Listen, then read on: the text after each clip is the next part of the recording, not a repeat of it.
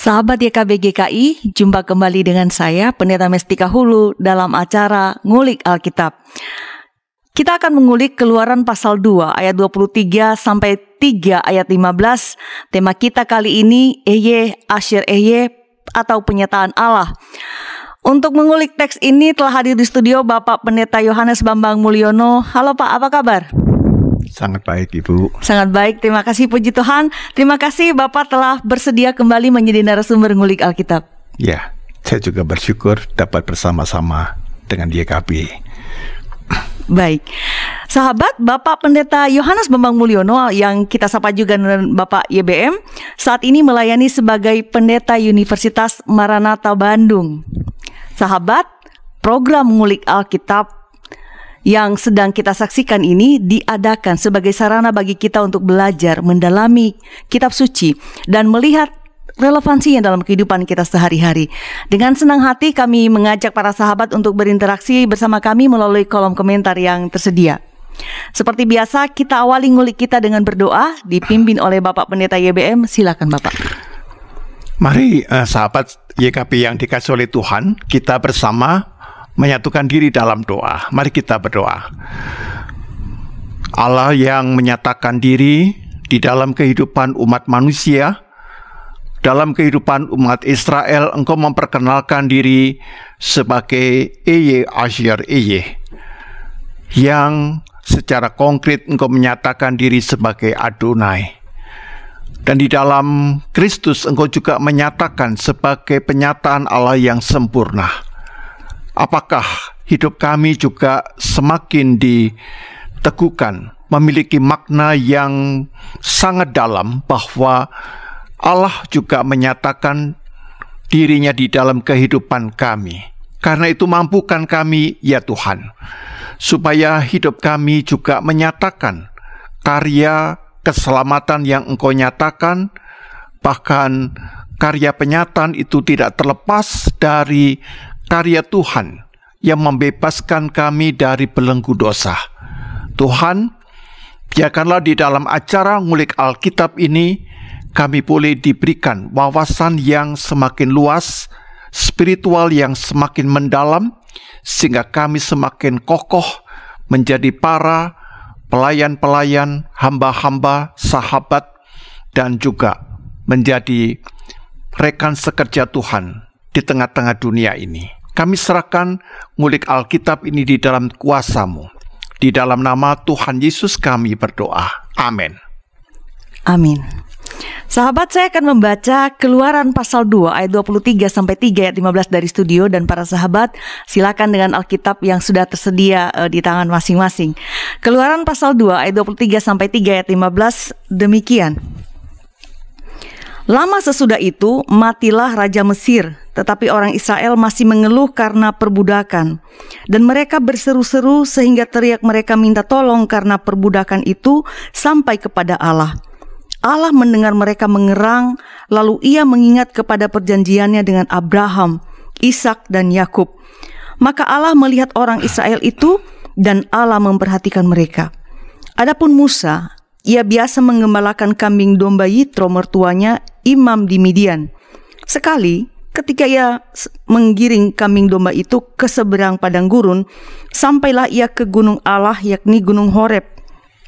Lalu malaikat Tuhan menampakkan diri kepadanya di dalam nyala api yang keluar dari semak duri. Lalu ia melihat dan tampaklah semak duri itu menyala tetapi tidak dimakan api. Musa berkata, Baiklah aku menyimpang ke sana untuk memeriksa penglihatan yang hebat itu. Mengapakah tidak terbakar semak duri itu?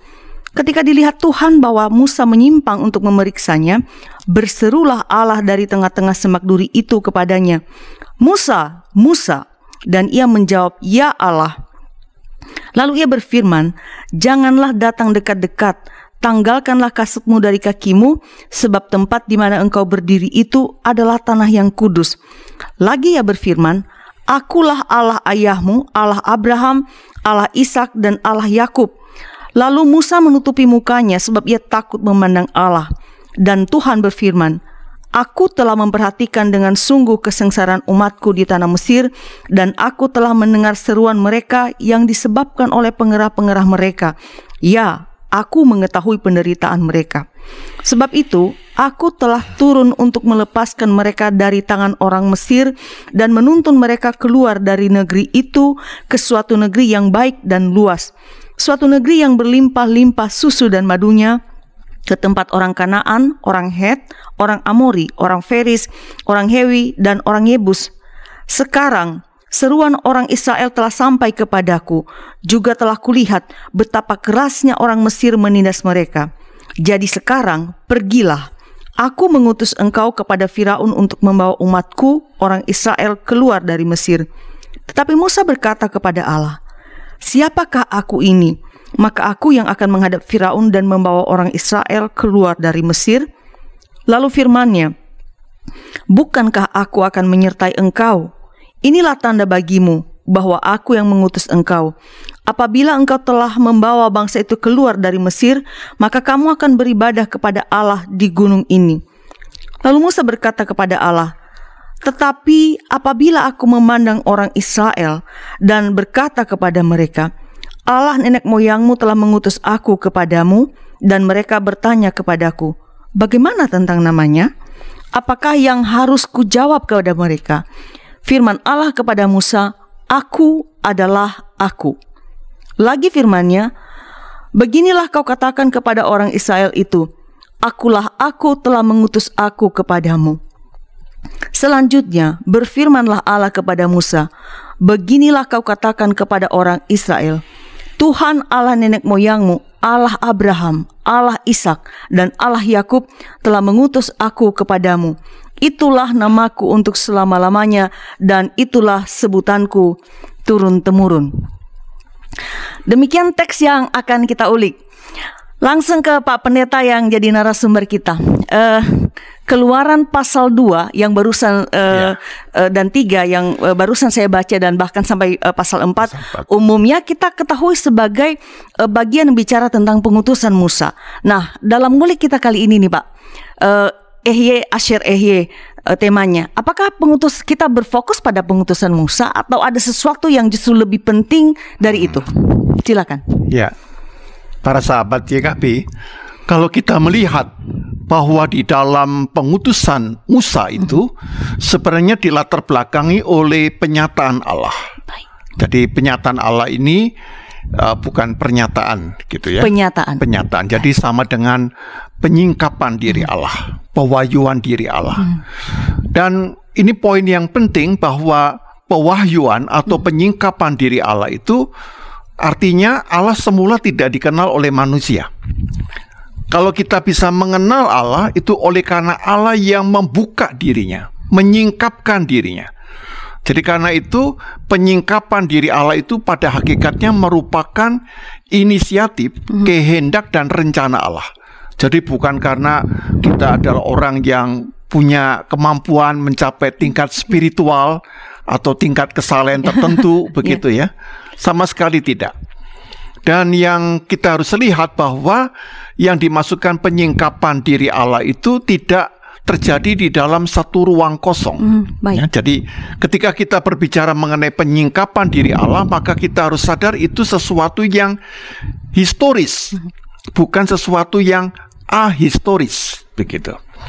Nah, maka Allah yang melampaui sejarah, Allah yang melampaui ruang dan waktu itu kemudian membuka dirinya di dalam sejarah kita. Sehingga di dalam peristiwa hidup manusia kita dapat mengalami apa yang kita sebut dengan peristiwa penyingkapan diri Allah sehingga kita bisa mengalami sebagai satu peristiwa yang sangat eksistensial. Hmm. Nah, di dalam konteks inilah maka penyingkapan diri Allah terjadi di dalam sejarah umat Israel, yaitu di dalam konteks Musa dipanggil oleh Tuhan. Musa dipanggil oleh Tuhan. Baik, uh, artinya kurang lebih bahwa ulikan kita Keluaran 2 ayat 23 sampai 3 15 ini mau bicara tentang uh, teofa, penyataan Allah atau teofani Allah begitu ya, Pak? Ya, teofani. Lalu ya, baik. Kalau demikian kita mulai dari mana melihat penyataan Allah atau penyingkapan Allah ini, Pak? Jadi bacaan kita membantu kita yaitu hmm. bahwa penyingkapan Allah tadi saya katakan terjadi di dalam kehidupan umat Israel ya. yang berada di Mesir dan mereka itu diperbudak selama 430 tahun. Waktu yang lama. Lama ya, 4 abad lebih. Nah, di tengah-tengah itu ada salah seorang dari orang Israel ini yang disebut Musa ya, namanya yeah. Musa. Dan di situlah Allah menyingkapkan dirinya di dalam proses kehidupan Musa. Baik. Nah, kita lihat di situ bahwa ada tiga tahap uh, kehidupan Musa ya, yaitu Musa yang tahap pertama itu 40 tahun sebagai seorang pangeran mm -hmm. kerajaan Mesir. Lalu tahap yang kedua juga 40 tahun. Yaitu saat dia menjadi seorang pengembala di Midian. Di Midian. Ya. Dan kemudian tahap yang ketiga 40 tahun juga. ya. Ini memimpin Israel ya, Pak? Yang memimpin umat Israel di padang gurun. Ya. Nah, seperti itu. Nah, yang kita baca tadi adalah dalam konteks Musa itu berada di Midian. Ya, jadi kalau kita lihat di Midian itu ada di dekatnya Arab Saudi sebenarnya. Mm -hmm. Nah, di situ sebenarnya Musa sudah merasa relatif tenang karena dia sudah meninggalkan Mesir, dia menjadi seorang pengembala, ya. Tapi kontras dengan orang Israel di Mesir yang justru sedang menderita. Mm -hmm.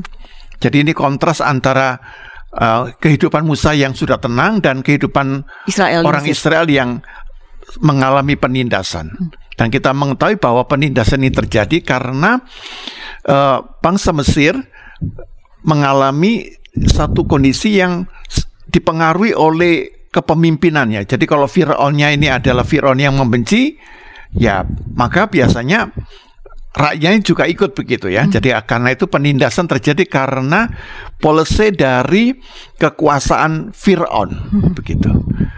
Dan disebutkan di dalam tadi keluaran pasal 2 ayat 23 kalau kita baca sebentar, boleh Bu? Boleh. Pasal uh, Keluaran 2 ayat 23. Iya. Lama sesudah itu matilah Raja Mesir, tetapi orang Israel masih mengeluh karena perbudakan. Dan mereka berseru-seru sehingga teriak mereka minta tolong karena perbudakan itu sampai kepada ya, Allah. Ya, jadi walaupun Firaun ini sudah mati, mm -mm. tapi cara berpikirnya rasisme semitik ini tetap hidup ya. Padahal dalam Keluaran pasal 1 ayat 10 juga diceritakan umat Israel mengalami uh, penindasan juga sehingga sampai bayi Musa itu di dibuang, uh, ke, sungai Nil. dibuang ke sungai Nil untuk ya. menyelamatkan ya, ya oleh ibunya itu. Jadi kondisi ini jadi cara berpikirnya ini adalah bisa saja raja ini meninggal tetapi -hmm. cara berpikir ideologis -hmm. itu uh, masih tetap apa ya mempengaruhi kebijakan-kebijakan yang ada sehingga di dalam keluaran pasal 2 ayat 23 tadi yang sudah dibaca umat Israel dijadikan budak dengan penindasan yang begitu berat dan di situlah umat Israel berseru kepada uh, Allah yaitu Adonai itu. Baik. Israel mengalami penderitaan membuat mereka berseru meminta pertolongan Allah. Nah, yeah. bagaimana respon Allah atau apa yang dilakukan Allah terhadap seruan Israel ini, Pak? Yeah. Jadi memang sangat menarik bahwa seruan itu kan kita juga sama-sama juga berseru, tetapi kenapa tidak didengar kira-kira begitu ya? Tapi yang ditangkap di sini kalau kita membaca dalam Keluaran 2 ayat 23 itu kata berseru ya. Kalau teks Ibrani itu yaitu kata yisaku ya, yisaku itu menunjuk satu tindakan menjerit dan menjerit itu menghasilkan teriakan ya. Dalam bahasa Ibrani disebut dengan sau atam ya jadi terdengar menjadi teriakan so atam itu. Nah, itu menjadi sesuatu yang menyentuh hati Allah karena disebutkan mereka berserut sebagai umat secara komunal. Ya, jadi mengapa ada doa syafaat itu maksudnya supaya doa ini doa bersama-sama ya. begitu ya, tidak doa pribadi-pribadi. Memang doa yang lahir dari uh, komunitas umat begitu. Nah, ketika umat Israel berseru ya Yisaku dan kemudian berteriak ya atam maka di situlah Allah kemudian mendengar ya itu Yisma. Yisma itu mendengar. Lalu dia mendengar Allah kemudian mengingat ya Yiskor ya ada Yisma ada Yiskor. Lalu apa yang diingat oleh Allah? Perjanjiannya. Nah, itulah yang disebut dengan berit. Jadi ada permainan kata yang menarik antara Yisaku, Soatam, kemudian Allah itu mendengar, Yisma, Yisma kemudian Allah itu mengingat, Yiskor, ya, Yiskor kepada perjanjiannya, kepada Berit. berit yang pernah diucapkan kepada bapak leluhur mereka. Baik. Nah, di situlah muncul apa yang disebut dengan berit itu perjanjian kasih karunia. Hmm. Jadi karya penyelamatan Allah yang mau mendengar, yang mengingat, ya, pada hakikatnya berdasarkan pada perjanjian kasih karunia Allah. Jadi Yahweh itu adalah Allah yang pengasih dan penyayang.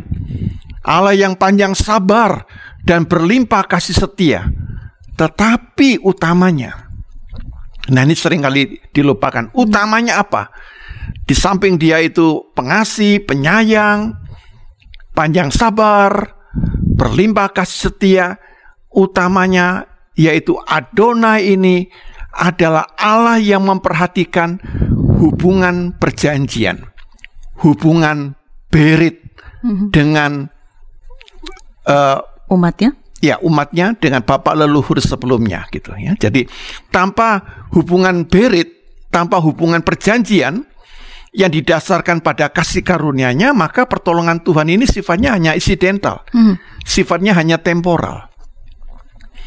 Jadi ini menarik bahwa uh, kita sering kali menjadikan Tuhan itu hanya kita minta tolong saat kita sedang Butuh. kesulitan ya. Apalagi di masa pandemi ini banyak orang menjerit karena macam-macam, karena kehilangan pekerjaan, karena sakit, ya, atau karena dampak yang di luar perkiraannya. Tetapi sebatas itu yang kita minta. Tapi setelah kita ditolong, kita kemudian melupakan. Itu agak berbeda kalau itu ditempatkan di dalam perjanjian, di dalam berit, di dalam relasi yang personal antara kita dengan Tuhan itu. Seperti itu, Bu. Baik, Allah yang menyatakan diri adalah Allah yang eh, mengingat perjanjiannya. Kita lanjutkan ulikan kita setelah pesan-pesan berikut ini.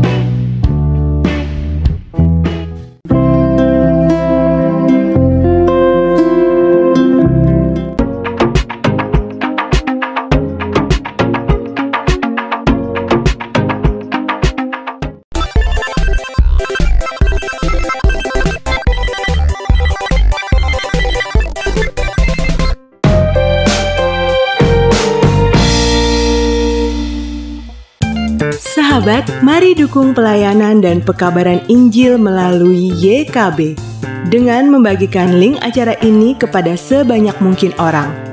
Dukungan juga dapat saudara lakukan dengan mentransfer dukungan finansial ke rekening BCA ke nomor 450 305 2990 450 305 2990 atas nama Yayasan Komunikasi Bersama.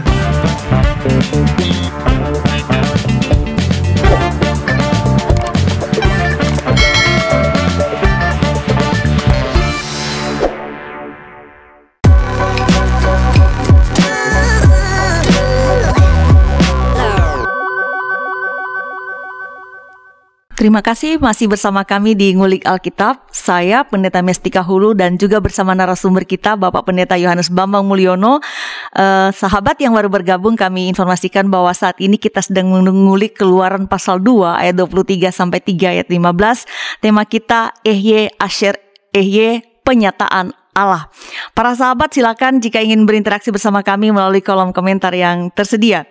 Saya mau langsung balik ke Bapak. Tadi di eh, segmen pertama Bapak menjelaskan bahwa Israel berseru kepada Allah. Allah mendengar, Allah mengingat dan Allah mengingat perjanjiannya. Nah, mungkin bisa dijelaskan sedikit lagi tentang ini, Pak. Jadi kata perjanjian atau berit itu uh, cukup dominan. Bahkan saya hitung itu 483 kali di perjanjian lama. Wah, banyak sekali, Pak. Jadi mau mengatakan bahwa karakter atau ciri khas dari Adonai ya YHWH itu adalah Allah yang eh, relasional di dalam perjanjian.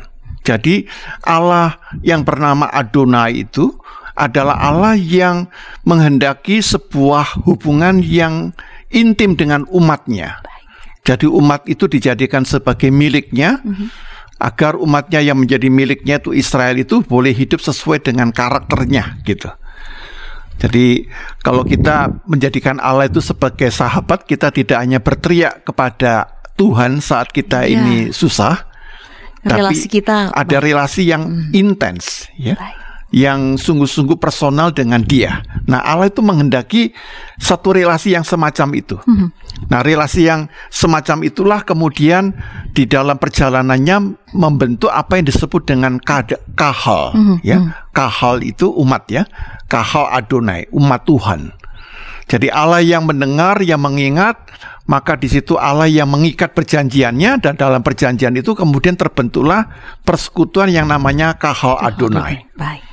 Sehingga melalui kahal Adonai itulah terjadi satu relasi yang uh, khusus dan personal dengan umat Tuhan ini ya. Jadi itu yang kita lihat di dalam salah satu ciri yang sangat mendasar di dalam Allah yang bernama Adonai itu. Baik. Seperti itu, Bu. Eh, Allah mengingat perjanjiannya lalu kemudian terbentuk sebuah kahal Adonai atau umat Allah eh, dalam relasi eh, dengannya. Eh, Israel berseru, Allah mendengar dan kemudian eh, Allah merespon. Bagaimana cara Allah merespon seruan Israel ini, Pak? Apa datang dalam bentuk seperti sekarang katakanlah Bapak datang sebagai narasumber ke studio atau Ya. bagaimana cara Allah? Jadi bagaimana Allah itu menyatakan dirinya Betul. begitu ya. Nah, di dalam konteks ini yang dipilih oleh Allah teofaninya itu dalam Hmm. bentuk api. Api, mengapa api, Pak? Ya. Jadi dalam bentuk sebenarnya bentuk api ini merupakan sesuatu yang eh, diulang-ulang juga nanti di dalam misalnya Keluaran pasal 19 ayat 18 itu kita lihat pada waktu di Gunung Sinai itu Allah juga menampakkan diri dalam bentuk api. Iya. Nah, jadi api itu adalah dipakai sebagai satu simbol ya. Jadi api itu membakar, tapi sebenarnya membakarnya dalam arti menguduskan. Jadi Allah menggambarkan karakter Allah yang kudus, gitu. Baik. Nah, sehingga di dalam teofani Allah yang menyatakan diri kepada Musa melalui semak belukar yang menyala, tetapi tidak terbakar. Nah, di situlah Allah memanggil dan mengutus Musa. Jadi tidak pakai mimpi, tidak pakai uh, penglihatan menampakkan diri, tapi dalam bentuk simbol api, itu ya. Baik. Jadi sebenarnya api pun juga kalau kita lihat agak ke belakang misalnya di dalam kejadian 15 ayat 17 ketika kepada Abraham pun juga Allah menampakkan diri dalam bentuk Ya. api ya. Silakan dibaca Ibu kalau Di bisa di dalam kejadian, Kejadian ya, Pak. pasal 15 ayat yang ke-17. Kejadian 15 ayat, Ayat 17. 17, ya. Baik, saya bacakan kejadian pasal 15 ayat 17. Ketika matahari telah terbenam dan hari menjadi gelap, maka kelihatanlah perapian yang berasap beserta suluh yang berapi lewat di antara potongan-potongan daging itu. Ya. Jadi sebenarnya bukan hanya kepada Musa saja, ya, kepada Abraham Allah juga menampakkan diri dalam bentuk, Bentuk api. Nah, kemudian nanti itu yang juga kita lihat di dalam misalnya Keluaran 19 ayat 4 itu mengapa umat Israel diperintahkan oleh Musa agar menguduskan diri, mencuci pakaiannya, ya, maka mereka tidak boleh melakukan hubungan eh, suami istri lebih dahulu karena Allah akan hadir di tengah-tengah mereka. Jadi Allah yang seperti api ini adalah uh, akan menghanguskan ya orang-orang yang uh, kehidupannya itu dianggap cemar begitu. Ah, baik. Api menjadi eh, semacam medium yang digunakan Allah Ya. untuk menyatakan diri eh, teofani ini dan itu untuk menyatakan kekudusannya. Nah, em, lalu bagaimana dengan tempat di mana api itu dinyatakan? Tempat itu kudus juga atau bagaimana, Pak? Ya.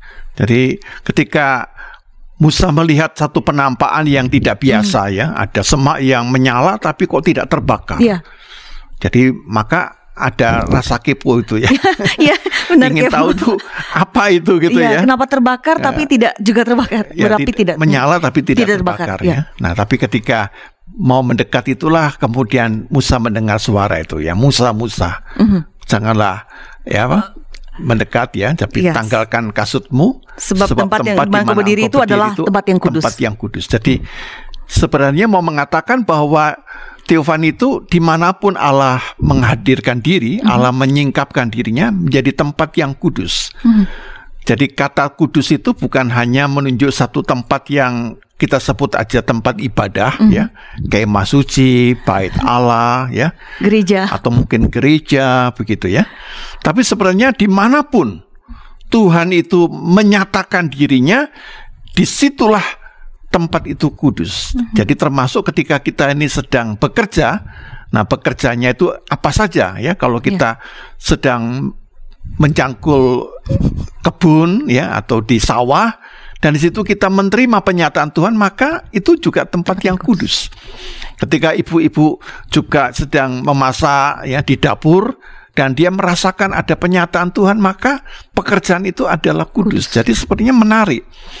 Dalam perspektif iman Kristen, maka setiap pekerjaan itu adalah kudus. Hmm.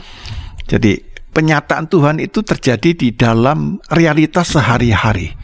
Ketika Allah menyatakan, di situlah tempat itu menjadi kudus. Apa pun pekerjaan kita yang sedang kita lakukan. Uh, baik, saya mau uh, mau semacam garis bawahi yang barusan Bapak katakan ini bahwa uh, saya kira ini penting untuk kita perhatikan juga. Tadi Bapak mengatakan di mana pun kita bekerja kalau itu merupakan uh, penyataan Allah maka itu kudus. Jadi uh, bukan hanya bait suci uh, atau di kondisi kita sekarang bukan hanya di gereja, tetapi di mana pun Allah hadir, di mana pun Allah menyatakan dirinya di pekerjaan kita masing-masing, di keluarga, di pasar, di dapur, di mana pun, berarti itu juga ada tempat yang kudus. Baik, uh, apa selanjutnya yang harus kita lihat dalam rangka uh, memahami mengenai Allah yang menyatakan diri ini, Pak? Jadi yang pertama adalah ini yang sering kali juga ditarik di dalam kehidupan uh, ibadah mm -hmm. tentang makna melepaskan kasut tadi, Bu ya. Nah, sering kali kita melepaskan kasut itu hanya karena ritual mm -hmm. begitu, ya. Sebenarnya ya boleh ritual ya, ritual itu sebenarnya sudah dilakukan ketika orang Israel memasuki kemah suci ataukah kemudian mereka memasuki bait Allah, memasuki sinagog hmm. ya. Itu mereka melepaskan kasutnya. Ya, dan ini sebenarnya juga ditiru oleh teman-teman kita muslim hmm. karena uh, Islam juga sangat dipengaruhi oleh ritual uh, Judaisme di dalam uh, kehidupan mereka di uh, Mekah ataupun di Medina. Nah, tetapi sebenarnya makna melepaskan kasut dalam konteks kekudusan Tuhan itu harusnya kita lihat sebagai bentuk yang spiritual. Hmm. Yang bentuk spiritual itu artinya melepaskan kasut adalah kita mau melepaskan sesuatu yang sifatnya sangat berkaitan dengan keinginan atau kemelekatan kita dengan uh, berbagai nafsu dunia ini. Hmm. Hmm. Ketika kita menghadap Tuhan, apakah kita juga sudah melepaskan ya kemelekatan kita dengan apa-apa yang mendominasi kita selama sehari-hari mm-hmm. di dalam hidup sehari-hari juga. Nah ini yang sangat sulit kan sehingga ketika orang beribadah yang dipikirkan bukan ya dia menyanyi, dia berdoa, tapi sepertinya pikirannya tidak tertuju kepada uh, Tuhan mm-hmm. begitu, tapi dia memikirkan kepada hal-hal yang uh, sangat sangat apa itu materi atau sangat mater, uh, finansial atau apa ekonomi ataupun ya berbagai masalah dia melekat di situ sehingga tidak pernah melihat kehadiran Tuhan di dalam penyataannya itu. Baik, berarti ini uh, justru me menyasar atau sesuatu yang lebih lebih dalam begitu bahwa melepaskan kasut bukan sekadar kita melepaskan alas kaki yang kita gunakan, tetapi uh, yang lebih dalam, lebih penting lagi yang spiritual tadi, yeah. Ya. uh, kemelekatan pada nilai atau hal-hal yang kita pegang begitu ya Pak ya? Ya, yang menguasai kita. Menguasai kita. Baik, apa selanjutnya yang setelah kita melihat mengenai uh, melepaskan kasut dalam dalam teks kita ini, apalagi yang harus kita lihat Pak ya. dalam konteks penyataan Allah ini? Jadi kita mencoba melihat ada semacam struktur mm -hmm. ya. Jadi kita melihat misalnya struktur yang ada di dalam Keluaran pasal 3. Baik ayat 6 sampai dengan ayat 8 ya. Jadi strukturnya itu kalau kita lihat misalnya ayat yang ke-6 mm -hmm. Allah memperkenalkan dirinya, akulah Allah ayahmu, Allah Abraham, Allah Ishak, dan Allah Yakub. Jadi Allah itu menyingkapkan diri Allah yang sejati itu adalah relasi yang mempunyai kesinambungan. Antara relasi perjanjiannya dengan karyanya yang pernah dia lakukan kepada bapak leluhur. Nah, di sinilah poin penting yang sering kali diabaikan ya, bahwa Allah itu bisa saja menyatakan dari dalam macam-macam agama, hmm. Hmm. tapi pertanyaannya punya nggak kesinambungannya?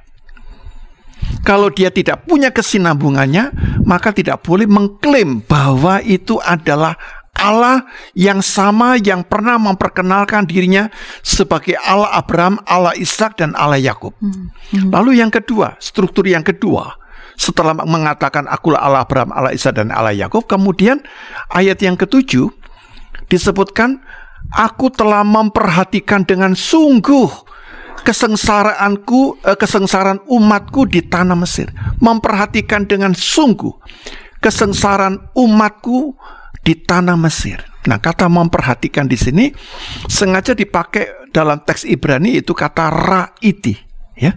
Mm-hmm. Raiti, ya. Jadi ini adalah uh, apa perhatian yang sangat sangat dalam, sangat intens begitu. Nah, setelah Allah itu memperhatikan atau raiti dengan sungguh hmm. kesengsaraan umatnya, maka di dalam ayat yang ke-8 itu kemudian ada action dari Tuhan. Sebab itu, nah kata sebab itu, ya. aku telah turun untuk melepaskan mereka dari tangan orang Mesir dan menuntun mereka keluar dari negeri itu. Hmm. Nah, kata sebab itu aku telah turun, ya kata turun itu ya, hmm. wa eret, wa eret, ya. Jadi sebenarnya kalau eret itu sama dari akar kata yarat ya, Y A R A D, yarat. Nah, yarat itu menunjukkan seperti kalau kita melihat ada air hujan turun ya, Bu ya. Misalnya ada musim kemarau ya, lalu tiba-tiba ada air hujan turun. Kira-kira apa yang Ibu lihat ya? Sudah lama kemarau lalu ada air hujan turun itu ya. Kira-kira apa yang Ibu muncul ya dari analogi itu yang uh, apa ya semacam kesejukan sih pak. Nah betul ya. Setelah setelah Benar. kering sekian lama ada hujan itu pasti sejuk, nah, segar. Seperti, nah seperti itu.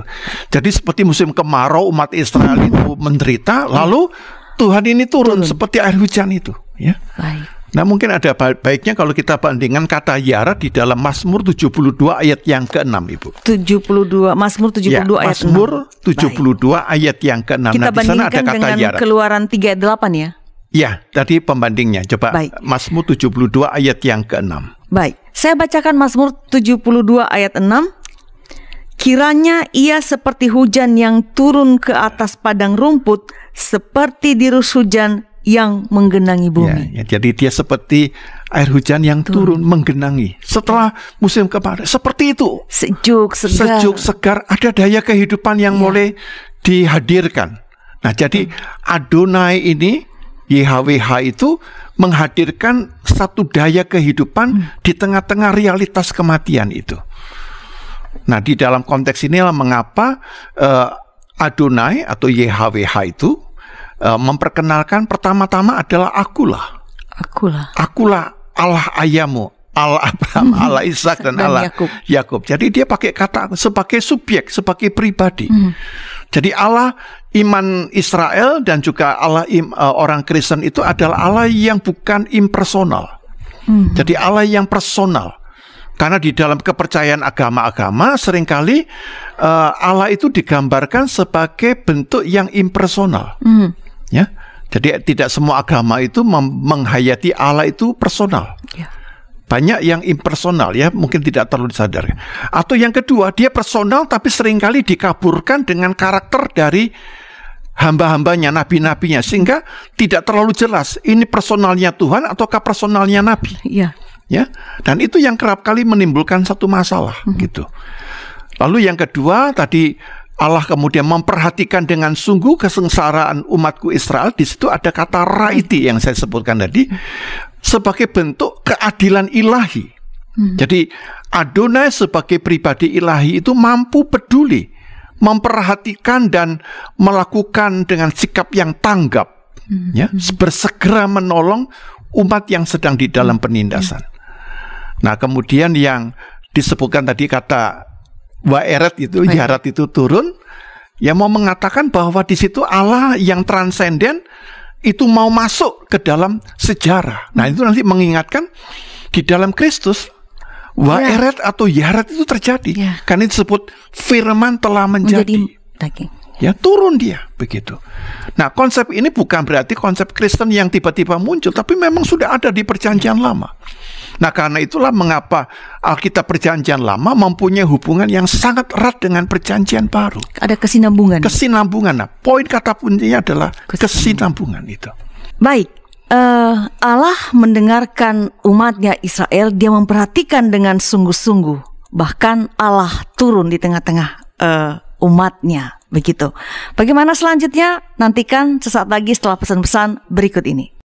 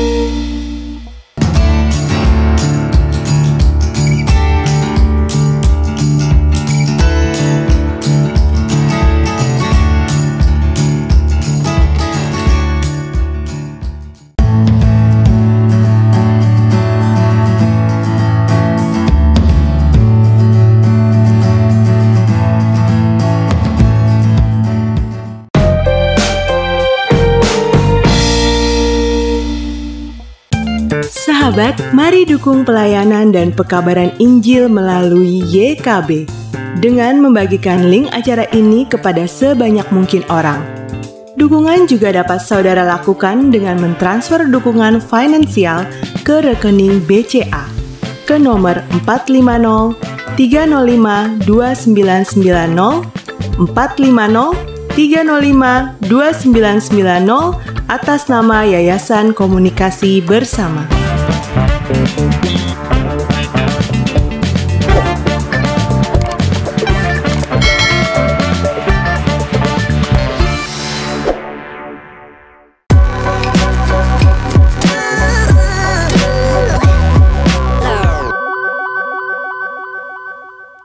Terima kasih masih bersama kami dalam Ngulik Alkitab. Saya Pendeta Mestika Hulu dan juga bersama narasumber kita Bapak Pendeta Yohanes Bambang Mulyono.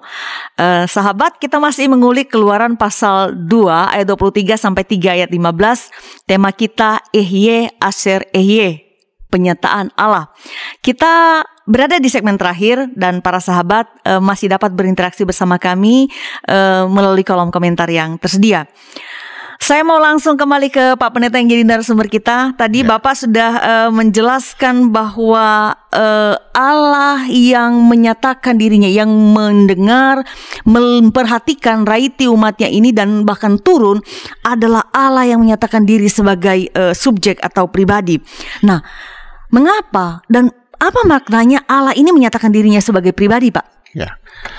Jadi Allah memperkenalkan diri kepada Abraham, kepada bapak-bapak luhur Isa Yakub, tapi baru kali ini Allah menyingkapkan identitas dirinya secara lebih eksplisit Hmm, baik. gitu.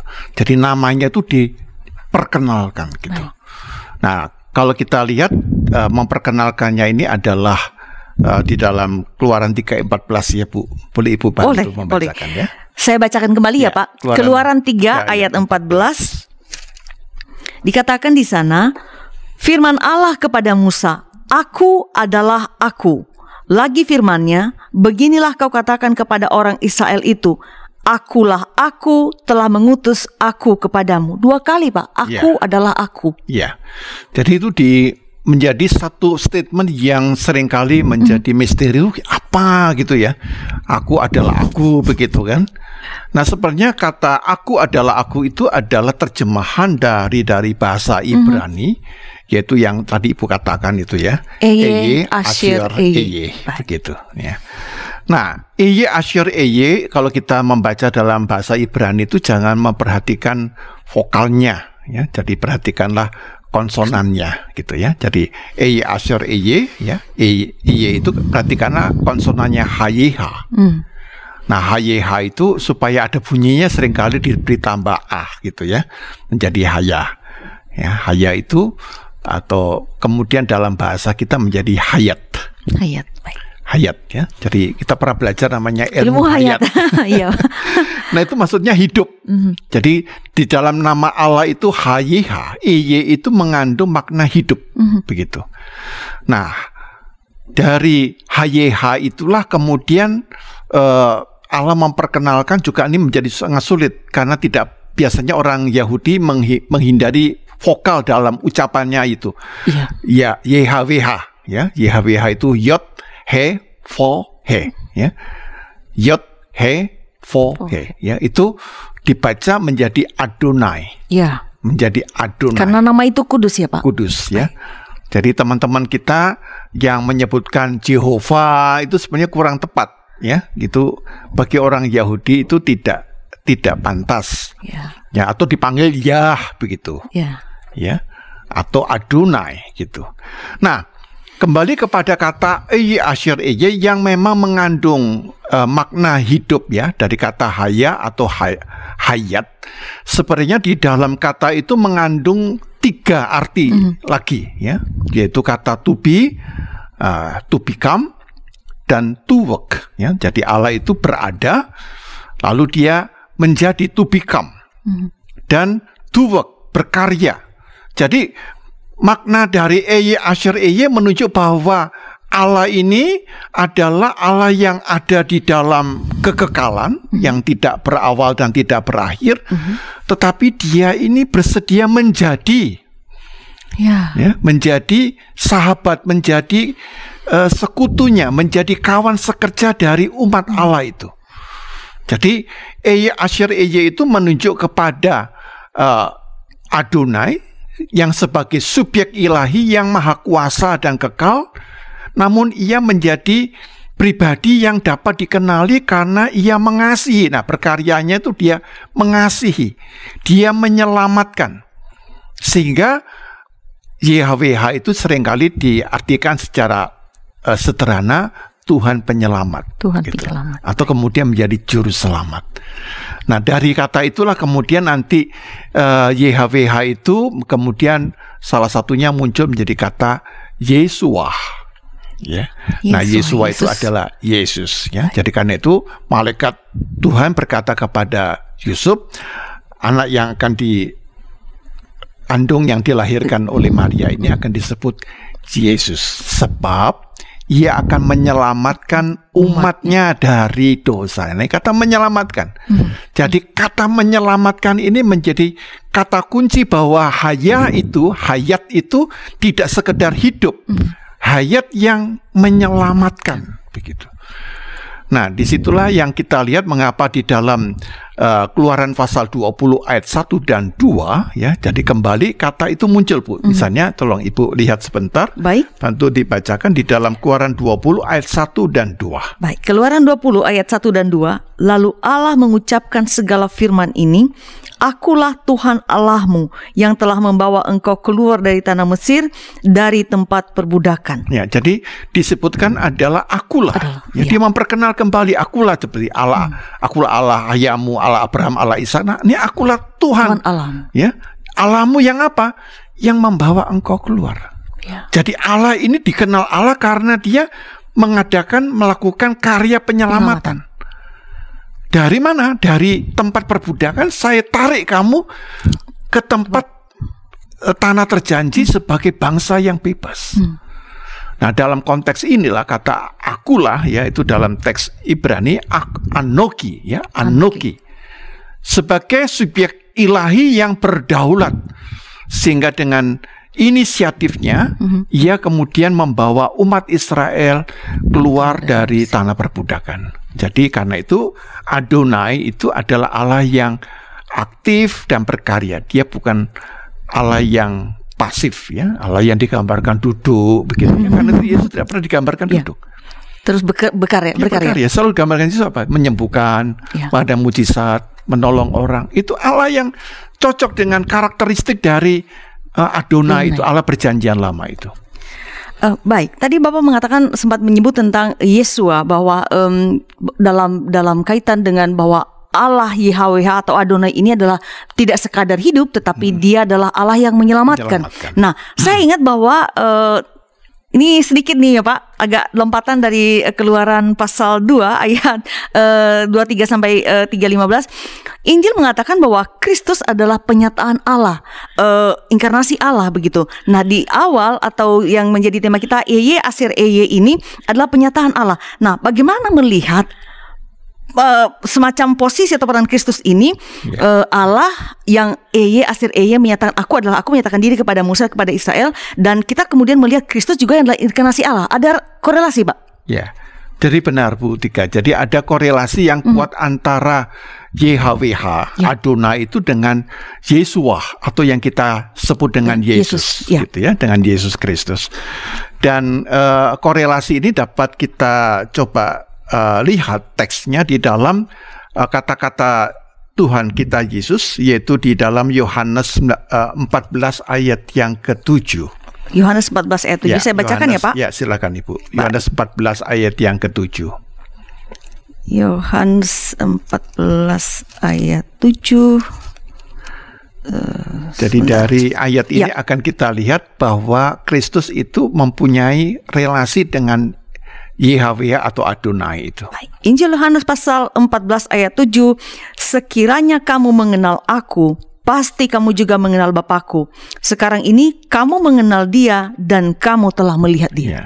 Jadi Yesus berkata, "Jik- sekiranya kamu mengenal aku, Mhm. pasti kamu mengenal Bapakku, YHWH tadi, Adonai tadi. Sekarang ini kamu telah mengenal dia dan kamu telah melihat dia. Di Jadi- dalam Yesus. di dalam diri. Jadi Yesus itu bukan hanya dia manifestasi, memang dia adalah sang diri dari Elohim itu. Ya. Dalam diri Elohim ya, jangan sampai uh, kalau begitu Yesus sama dengan Yahweh bukan. Kita mengenal Elohim itu eh, apa namanya adalah Allah yang menampakkan diri yaitu apa?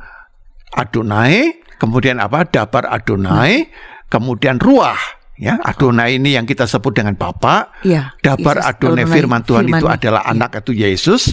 Ruah ini adalah Roh Kudus. Tapi ini adalah Elohim, ini adalah Allah gitu. Jadi dengan kata lain bahwa melalui diri Yesus itu Allah ya, menampakkan eh, hakikat diri Allah yang melampaui segala akal yang Allah yang transenden dan sekarang ini hadir di dalam karya Kristus. Begitu. Baik, lalu eh, setelah melihat bahwa benar eh, Yesus adalah inkarnasi Allah, Dabar Adonai ini, apa relevansinya Pak? Me- melihat ini eh, dalam kehidupan kita. Ya, jadi kembali untuk sampai ada para sahabat YKB kabur ya. Ada peran Adonai, Ya. ada peran Dabar, Dabar Adonai, ya. Ada peran Bapak, ada peran anak, Hmm. gitu. Ya. Nah, dalam dua peran inilah sebenarnya melakukan satu karya yang sama, yaitu bagaimana Allah menyelamatkan Hmm. melalui penebusan dan pendamaian dosa.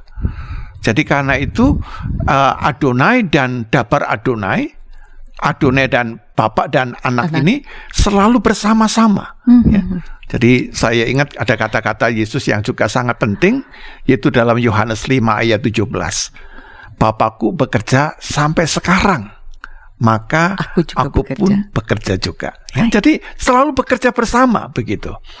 Jadi kalau kemudian dalam arti relevansinya itu bagaimana ya di dalam kaitan ini, maka dapat dikatakan bahwa YHWH Adonai sebagai yang juga menyatakan diri sebagai dabar Adonai di dalam diri Yesus adalah Allah yang sungguh-sungguh bertindak di dalam sejarah hidup kita.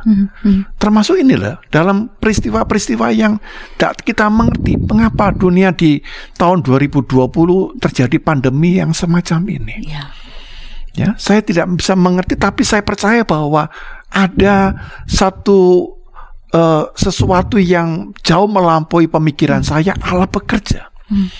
Ada kematian, ada penderitaan, tapi juga saya percaya melihat di situlah kita diketuk kemanusiaan kita hmm. untuk lebih peduli dengan realitas penderitaan umatnya. Jadi dengan pandemi ini kita diajarkan untuk melepaskan sekat-sekat uh, doktrin, dogma, aliran-aliran ya, hmm. hmm. untuk memikirkan satu kemanusiaan. Justru di sinilah Allah mau mengubah uh, sekat-sekat atau benteng-benteng ya. yang memisahkan manusia selama ini ya. dengan macam-macam uh, ajaran, doktrin, termasuk ideologi, kelas sosial, ya, kelas sosial ya. itu dipatahkan, diruntuhkan Tuhan. supaya kita bisa melihat manusia hmm. ini sebagai hmm. manusia, begitu. Dan Dia adalah Allah yang mendengar setiap jeritan, setiap doa yang hmm. dinaikkan oleh umatnya.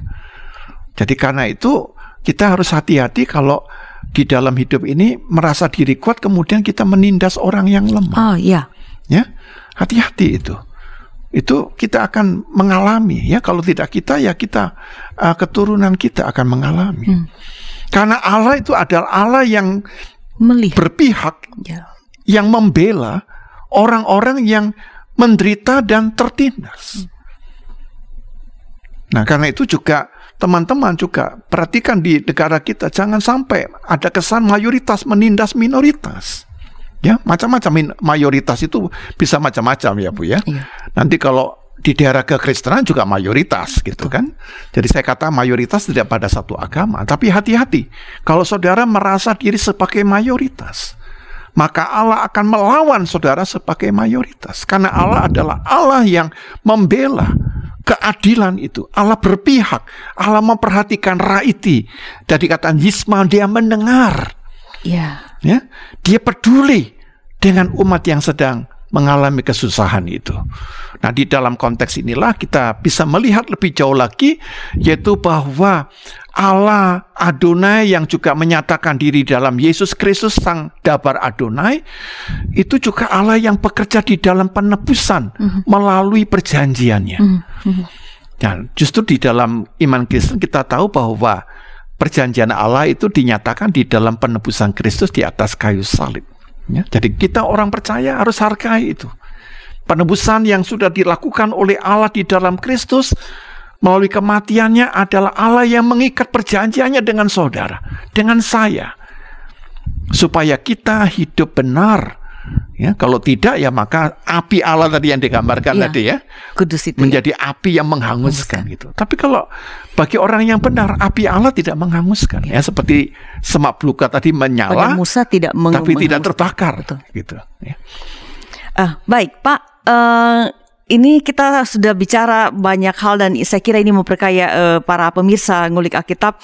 Saya ingat bahwa kita bicara tentang keluaran dan keluaran ini atau lima kitab awal ini sangat uh, berkaitan erat uh, dengan Musa. Nah, ya. pertanyaan saya adalah menutup uh, uh, ngulik kita juga, apa peran Musa dalam penyataan Allah kepada umat Israel dan kemudian bagaimana itu hubungannya juga dengan Kristus yang adalah inkarnasi Allah? Jadi peran apa peran Musa dalam penyataan Allah dan uh, kepada dalam penyataan kepada umat Israel dan kemudian uh, hubungannya dengan inkarnasi Yesus. Jadi Musa lah yang menerima penyataan Allah. Allah memperkenalkan dirinya, mm -hmm. memperkenalkan namanya. Nah, kalau Yesus tidak memperkenalkan namanya, dia memperkenalkan secara langsung. Inilah ya Baik. Allah itu sendiri. Kalau engkau melihat aku, berarti engkau sudah melihat Allah. Melihat Bapa. Baik. Ya. Jadi di situlah kita melihat bahwa Yesus Kristus bukan sekadar nabi. Ya, jadi ungkapan itu adalah satu ungkapan yang uh, sama sekali tidak benar. Karena juga Yesus adalah Sang Firman Allah, Dabar Adonai. Ya, atau di dalam bahasa Arab juga disebut dengan satu kali ungkapan namanya Khalimatullah. Jadi Dabar Adonai, Khalimatullah itu sama. Hmm. Dia adalah ilahi. Dengan demikian maka kalau kita mau mengenal kebenaran maka saudara-saudara dan saya tidak bisa menutup mata terhadap diri Yesus mm -hmm. sebagai firman Tuhan. Nah di situlah kita bisa melihat bagaimana kita ini dapat dipulihkan, mm -hmm. ya mengalami penebusan melalui anugerahnya, jadi melalui pengorbanannya, yaitu dalam kematiannya. Sehingga di situlah kita kemudian mengalami juga keselamatan yang lahir bukan karena hasil jasa kita, bukan karena pahala kita, bukan karena amal kita. Tapi karena dari anugerah dari Tuhan itu.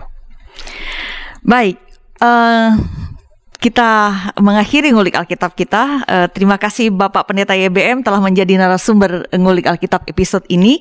Uh, sahabat, beberapa hal yang saya ingatkan kembali menjadi pembelajaran bagi kita pada ngulik Alkitab episode ini bahwa Allah itu adalah Allah yang mendengarkan umatnya, raiti memperhatikan umatnya, ia merespon umatnya, ia menyatakan diri dan turun menjumpai mereka, menyelamatkan mereka. Kedua, Allah menyatakan dirinya dalam bentuk pribadi. YHWH Adonai sehingga kita bisa mengenalnya, menyapanya dan kemudian kita mengimaninya.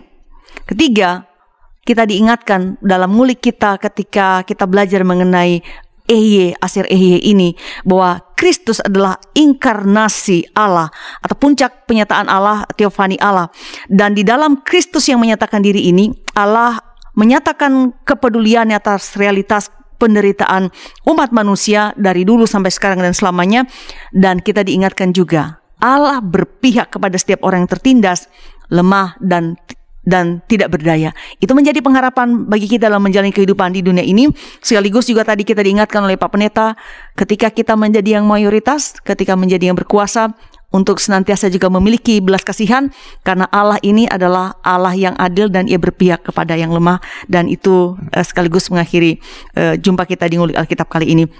Terima kasih sahabat atas dukungan Anda terhadap Ngulik Alkitab dan YKB, baik dan memberikan like atau membagikan uh, link ini kepada orang lain.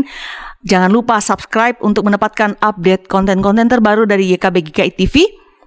Dan tuntas sudah jumpa kita pada ngulik kali ini. Kita akhiri dengan doa yang akan dipimpin oleh Bapak Pendeta YBM. Silakan Bapak. Ya, mari saudara-saudara kita merendahkan diri di hadapan Tuhan. Bapa yang maha baik, Engkau yang sudah menyatakan diri di dalam Yesus Kristus. Yesus yang adalah dabar Adonai, Sang Firman Tuhan, sehingga di dalam Kristus kami boleh melihat isi hatimu, karakter Engkau yang peduli, yang membela, yang menjadi pelindung bagi orang-orang yang lemah dan tertindas. Tuhan, Biarkanlah firman-Mu menyadarkan kami agar kami berhati-hati ketika kami merasa diri kuat, ketika kami merasa berkuasa, ketika kami berada di dalam posisi yang begitu besar pengaruhnya sebagai posisi mayoritas. Ajalah kepada kami untuk melihat bahwa Allah senantiasa berpihak kepada mereka yang lemah, kepada mereka yang tertindas karena itu ya Tuhan, ketika kami menyakiti, melukai orang-orang yang lemah dan tertindas, kami telah menjadikan diri sebagai musuh-musuh Allah. Segala doa, segala ibadah, segala ritual yang kami lakukan menjadi sia-sia. Karena engkau Allah yang kudus pakaikan api yang membakar segala hal yang cemar untuk menegakkan kekudusan dan keadilan.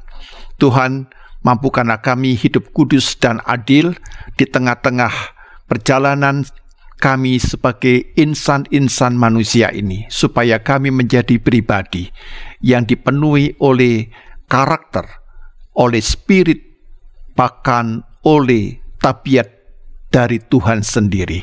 Itulah yang diajarkan oleh Kristus.